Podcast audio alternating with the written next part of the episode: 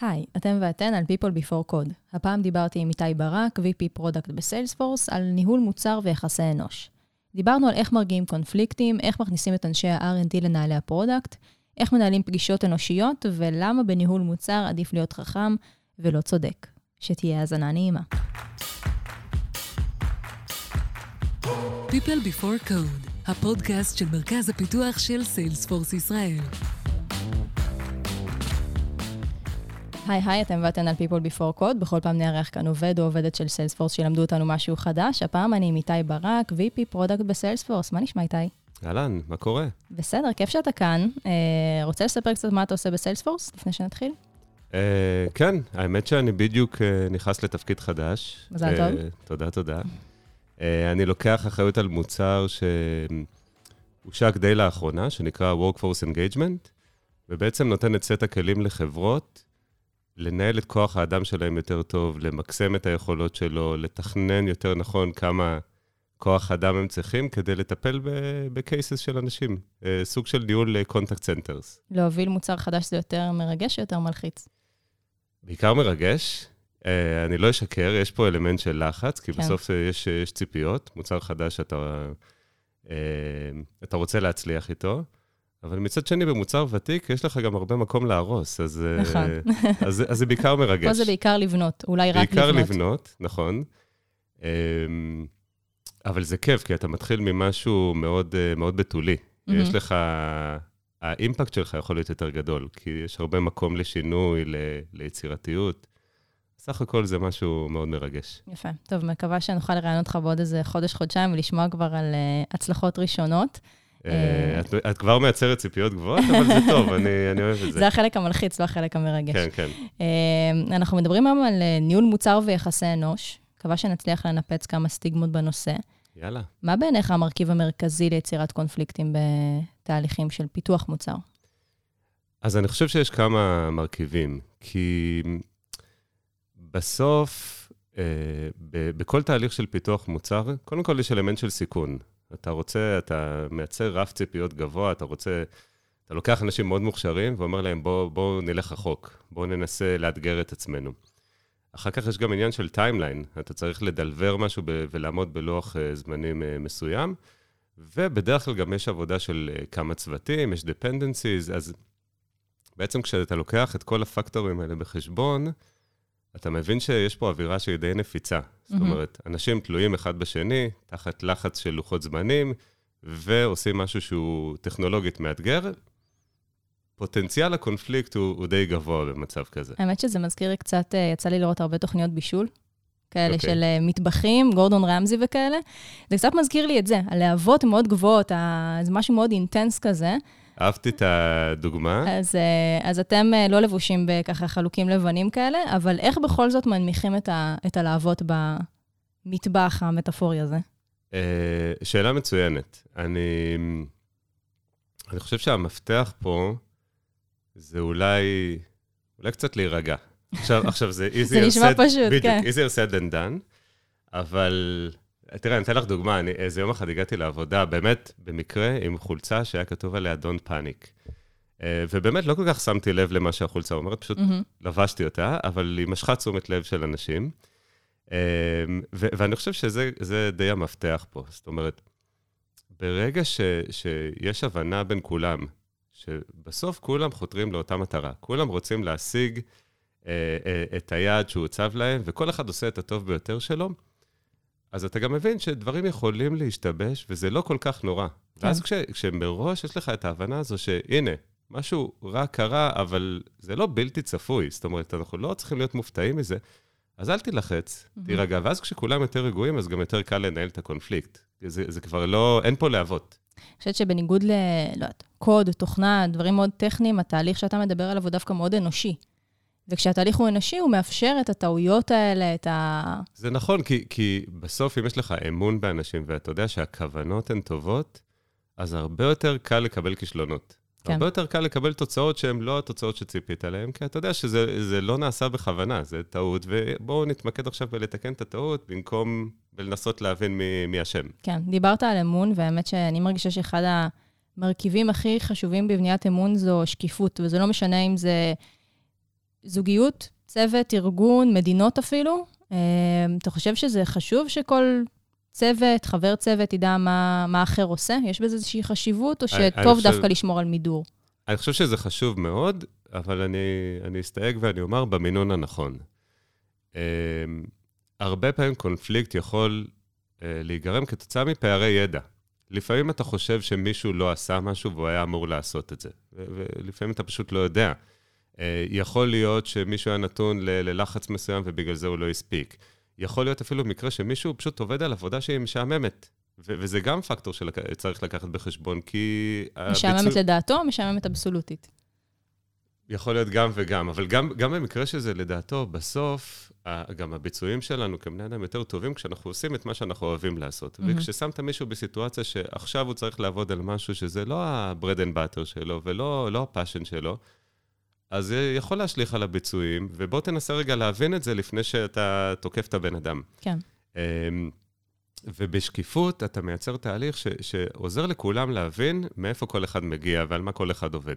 עכשיו, אני אומר במינון הנכון, כי אנחנו לא יכולים כל הזמן לעבוד על להסביר לכולם מה כולם עושים, זה, זה גם לא כל כך יעיל, אבל אני, אני מאוד מאוד בעד שקיפות. אני חושב שהרבה פעמים, אפילו לתת הזדמנויות לאנשים להיכנס לנעליים של בן אדם אחר, זה יכול להיות מאוד מעניין, ואנחנו גם ב product עושים את זה לפעמים כשאנחנו נותנים למפתחים, מה שנקרא to, to hack the, the plan. אה, אוקיי. אנחנו יכולים להציג איזושהי תוכנית ל- לכמה releases, אה, ולבוא ולהגיד להם, אוקיי, בואו תאתגרו את זה, בואו ניתן לכם את המידע שיש לנו, ובואו תנסו לבוא עם תוכנית אחרת. מהמם. עכשיו, מעבר לזה זה שיכול להיות... ש- תרגיל מחשבתי כזה אפילו. זה תרגיל מצוין, וגם הרבה פעמים לקבל רעיונות מאוד טובים, אבל אנחנו מרוויחים פה עוד משהו.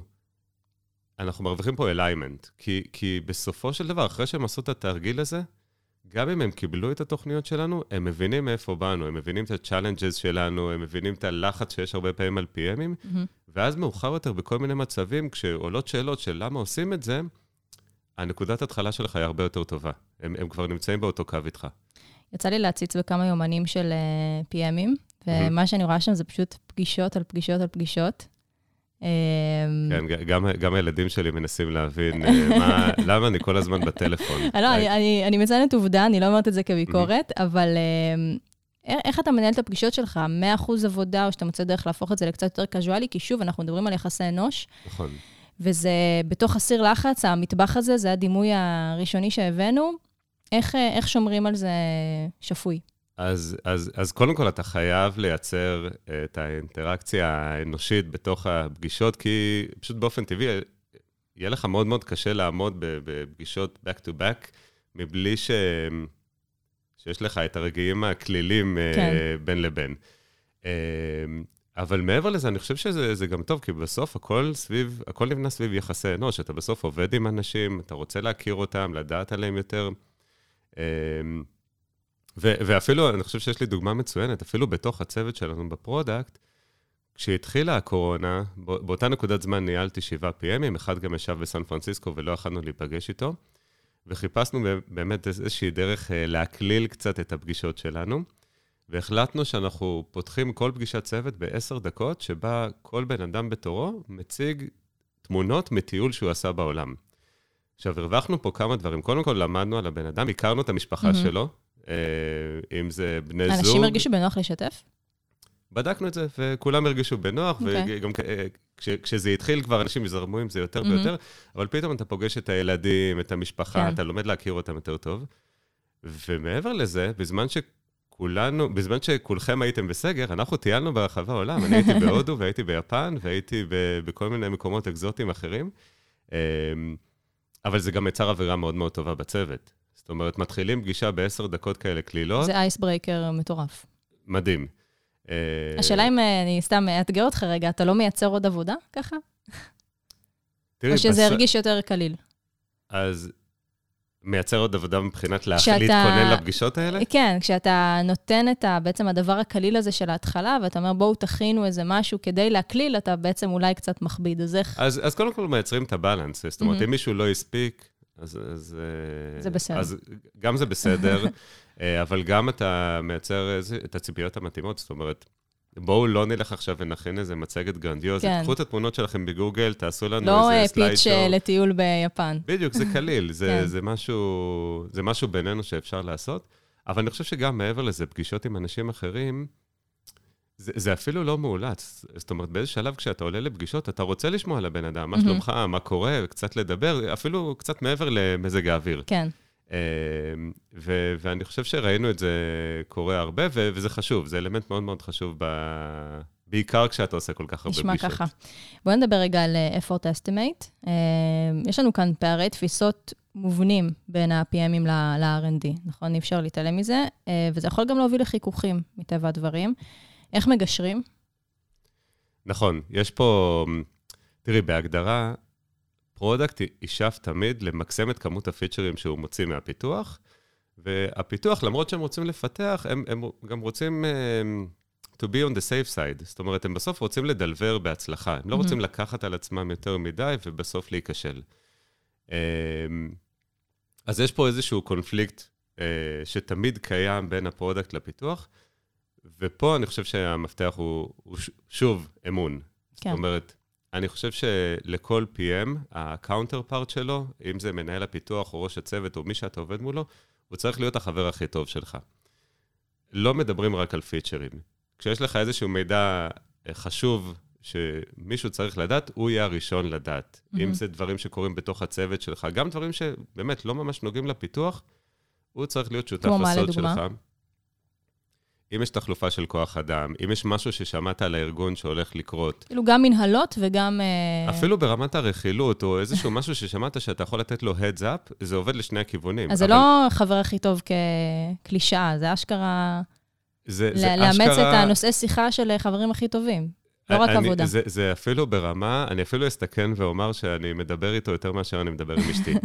אה, מדברים ברמה יומית, אה, שוב, כל מידע שיש לך, הוא צריך להיות הראשון מהמם. לדעת, כי, כי בסוף זה הבן אדם שאתה עובד איתו הכי הרבה, אתה צריך שיהיה ביניכם אמון, ו, ואתה לוקח את האמון הזה. אחר כך, כשבסוף חוזרים לדבר על פיצ'רים, כשיש ביניכם אמון, הוא מבין שאתה לא מנסה להכניס אותו לפינה, ואתה מבין שהוא לא מנסה לקחת עליך מרווחי ביטחון. כן. אה, כשאין ביניכם את האמון, אז הוא כל הזמן יבוא ויגיד, רגע, אני, אני צריך לקחת עוד מרווחי ביטחון כי הוא ינסה לדחוף לי יותר, כאילו, מהמם. אנחנו לא רוצים להיות שם. תחושת ה... זה נורא ישראלי שהולכים לדפוק אותי כזה. כמו שאתה נכנס למוסך. אבל, אבל את יודעת מה? אני חושב שזה גם נורא ישראלי להיות החבר הכי טוב נכון. של מנהל הפיתוח. כן, יש לנו תרבות מורכבת פה. זה נכון, גם אנחנו נכון. מרגישים שידפקו אותנו, וגם כולם זה אחי ו... נכון, ובגלל זה יכול להיות קצת יותר מאתגר כשיש לך מנהל פיתוח שהוא נגיד אמריקאי, ו product שהוא ישראלי או להפך, כן, צריך קצת לחשוב איך בונים את מערכת היחסים פה, כי, כי אז מגיעים מתרבויות קצת שונות. לגמרי. אמ, מה לג... אמרת על זה מילה, אני רוצה שנייה להתעכב על זה. מה לגבי שיתוף של מתכנתים בתכנון, בפגישות עם לקוחות אפילו? אה, נפריז ונאמר, יש לזה מקום בעולם המהיר והתחרותי, אנחנו כל הזמן שואפים קדימה לדלבר, אה, לייצר עוד פיצ'רים, לייצר עוד עבודה, או ש... טוב שכל אחד יישב בכיסא שלו ויעשה את העבודה שלו, וככה נתקדם. אז יש לזה המון מקום. אה, זה גם מאוד תלוי ברצונות האישיים של המפתח. אה, יש מפתחים שאוהבים את הקוד, רוצים להיות שם, הם, הם גם פחות מגיבים טוב בסיטואציות, אה, נגיד, מלחיצות יותר של פגישות עם לקוח. מהמם. אתה רואה שזה לא ה-comfort zone שלהם, ואתה לא בהכרח צריך לקחת אותם לשם. מצד שני, יש כאלה שדווקא, יכול להיות שיום אחד הם ירצו להתפתח ו- ולהיות אה, גם אה, PM, ואז אה, זה דווקא אחלה דרך לחשוף אותם לכל מיני עולמות שונים. ויש גם את הבין לבין, יש כאלה מפתחים שהם, זה טוב שיכירו, זה טוב שייחשפו מדי פעם ללקוח, יבינו מאיפה אנחנו באים, ה product, אה, מה מה אנחנו מה זה שומעים. נותן לך גם כשמתכנת יושב לידך בשיחה עם לקוח? תראי, לך זה- כ-PM, מה זה נותן? קודם כל, זה- יושב איתך מישהו טכני, שהרבה פעמים כשיש שאלות יותר טכניות, גם הלקוח מרגיש שהוא מקבל יותר attention מהארגון, כי הנה, Mhm. הבאתי גם מישהו טכני שנתן לו תשובה on the spot. כאילו, זה לא כן. מצב שאני אומר לו, אה, אני אלך, אני אבדוק ואני אחזור אליך. מהמם. אה, אז הלקוח מרגיש שהוא מקבל יותר attention. אבל גם אחר כך, כשאנחנו חוזרים, כשמאוחר יותר אני אבוא ואני אדבר על הדרישה הזו מהשוק, ואני אפילו אזכיר את השם של הלקוח, יש לי buy-in מעוד developer, עוד מישהו שיושב בפגישה ואומר, כן, פגשתי אותם, זה באמת זה נכון, אני engagement באמת ראיתי." גבוה שמייצר בסוף... לגמרי, אה, לגמרי. ובאיזה שלב אתה מבין מה הרצונות של המתכנתים, מתכנתות? כי אתה אומר, יש כאלה שעזבו אותי, אני יושב, אני עושה את העבודה שלי, ויש כאלה שהם רוצים להיות הרבה יותר engaging. פשוט צריך להקשיב. אה, זה, דיבר... זה משהו אבל שאתה שואל אקטיבית, או שאתה מחכה שזה יבוא מהם? זה, אני חושב שזה צץ, זה יכול לצוץ בשיחות מסדרון, mm-hmm. שאתה מספר שאתה נוסע ללקוח. כאילו, תשתף, ת, תבוא. כן. זה, דיברנו על טרנספרנסי, ודיברנו כן. על, על לשתף ולדבר, ו... אמ, אז אם יש לך ביקור לקוח, תבוא ותספר שאתה נוסע.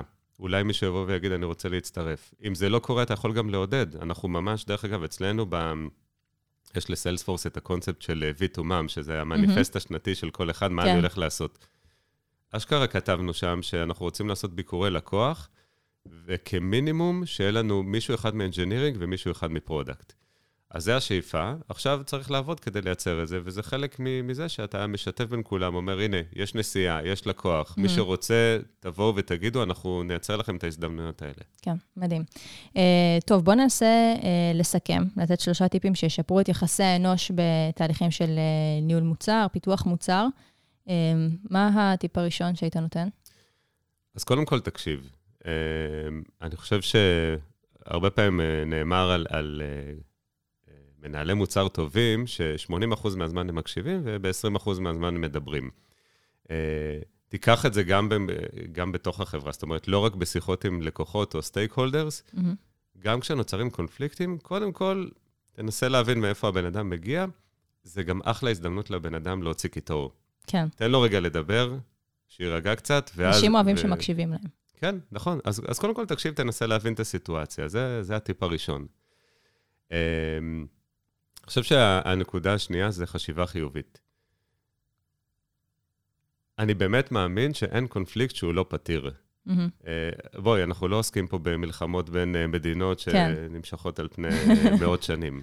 למזלנו. בסוף, למזלנו. בסוף, יחסים בין אישיים, יש קונפליקט, קודם כל תאמין ש, שאם נתאמץ מספיק כולנו, נמצא את הדרך לפתרון. כשאתה מגיע עם חשיבה חיובית, הרבה יותר קל לך להגיע לפתרון הזה. אה, יכול להיות, אגב, שראשי מדינות צריכים להקשיב לפרק הזה שלנו ולקחת אה, פרקטיקות ממך לזירה הבינלאומית. אז אני לא מתיימר אה, לייעץ לראשי מדינות, אבל את יודעת מה, אם את הצעת את זה, אז יאללה, למה לא? מה הדבר השלישי? השלישי, אני, אני אומר, אל תיקח את זה אישית. לפעמים, כמו שאמרת, יש להבות וארוחות מתלהטות ונאמרים דברים. Mm-hmm.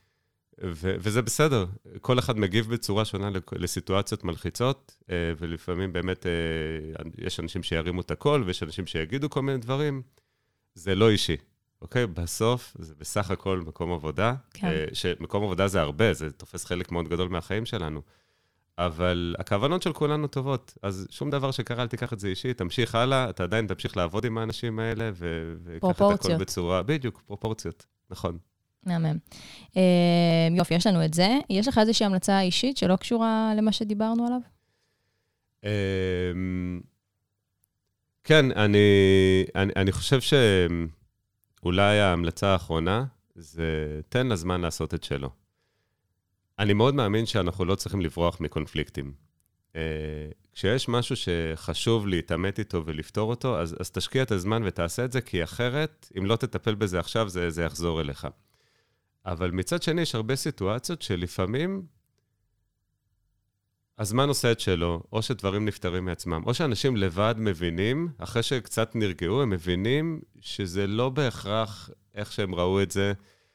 אז, אז לפעמים קצת, קצת סבלנות יכולה להיות, להוות חלק מאוד מאוד גדול מהפתרון. אז מה, זה נשימה עמוקה? זה לקחת אחורה, להפסיק לדבר? מה... זה, זה קצת מהכל. כן. אמ, ושוב, אתה צריך להיות גם מאוד רגיש לסיטואציה. זאת אומרת, לפעמים לקחת נשימה עמוקה וללכת אחורה, אז, אז זה יכול להיתפס כבריחה מקונפליקט. Mm-hmm. כשיש משהו חשוב לטפל בו, תטפל בו. אבל, אבל כן תחפש הזדמנויות שאתה יכול רגע להרגיע אנשים ולהגיד להם, אוקיי, בואו נדבר על זה עוד כמה ימים. כן, בוא נשען אתה, על זה. בדיוק, בוא נשען על זה. אם אתה רואה שאנשים מגיבים לזה טוב, תן להם רגע להירגע. כן. בהרבה מאוד סיטואציות, כשיעברו הכמה ימים האלה, יכול להיות שכבר לא יהיה על מה לדבר. Mm-hmm. וגם אם יש על מה לדבר, אנשים כבר הרבה יותר רגועים, הדרך לפתרון היא הרבה יותר קלה. כן. האמת שזה טיפ מעולה. אה, איתי, תודה רבה שהגעת, למדתי המון, ושיהיה המון בהצלחה. תודה רבה, ביי ביי. כיף להיות פה.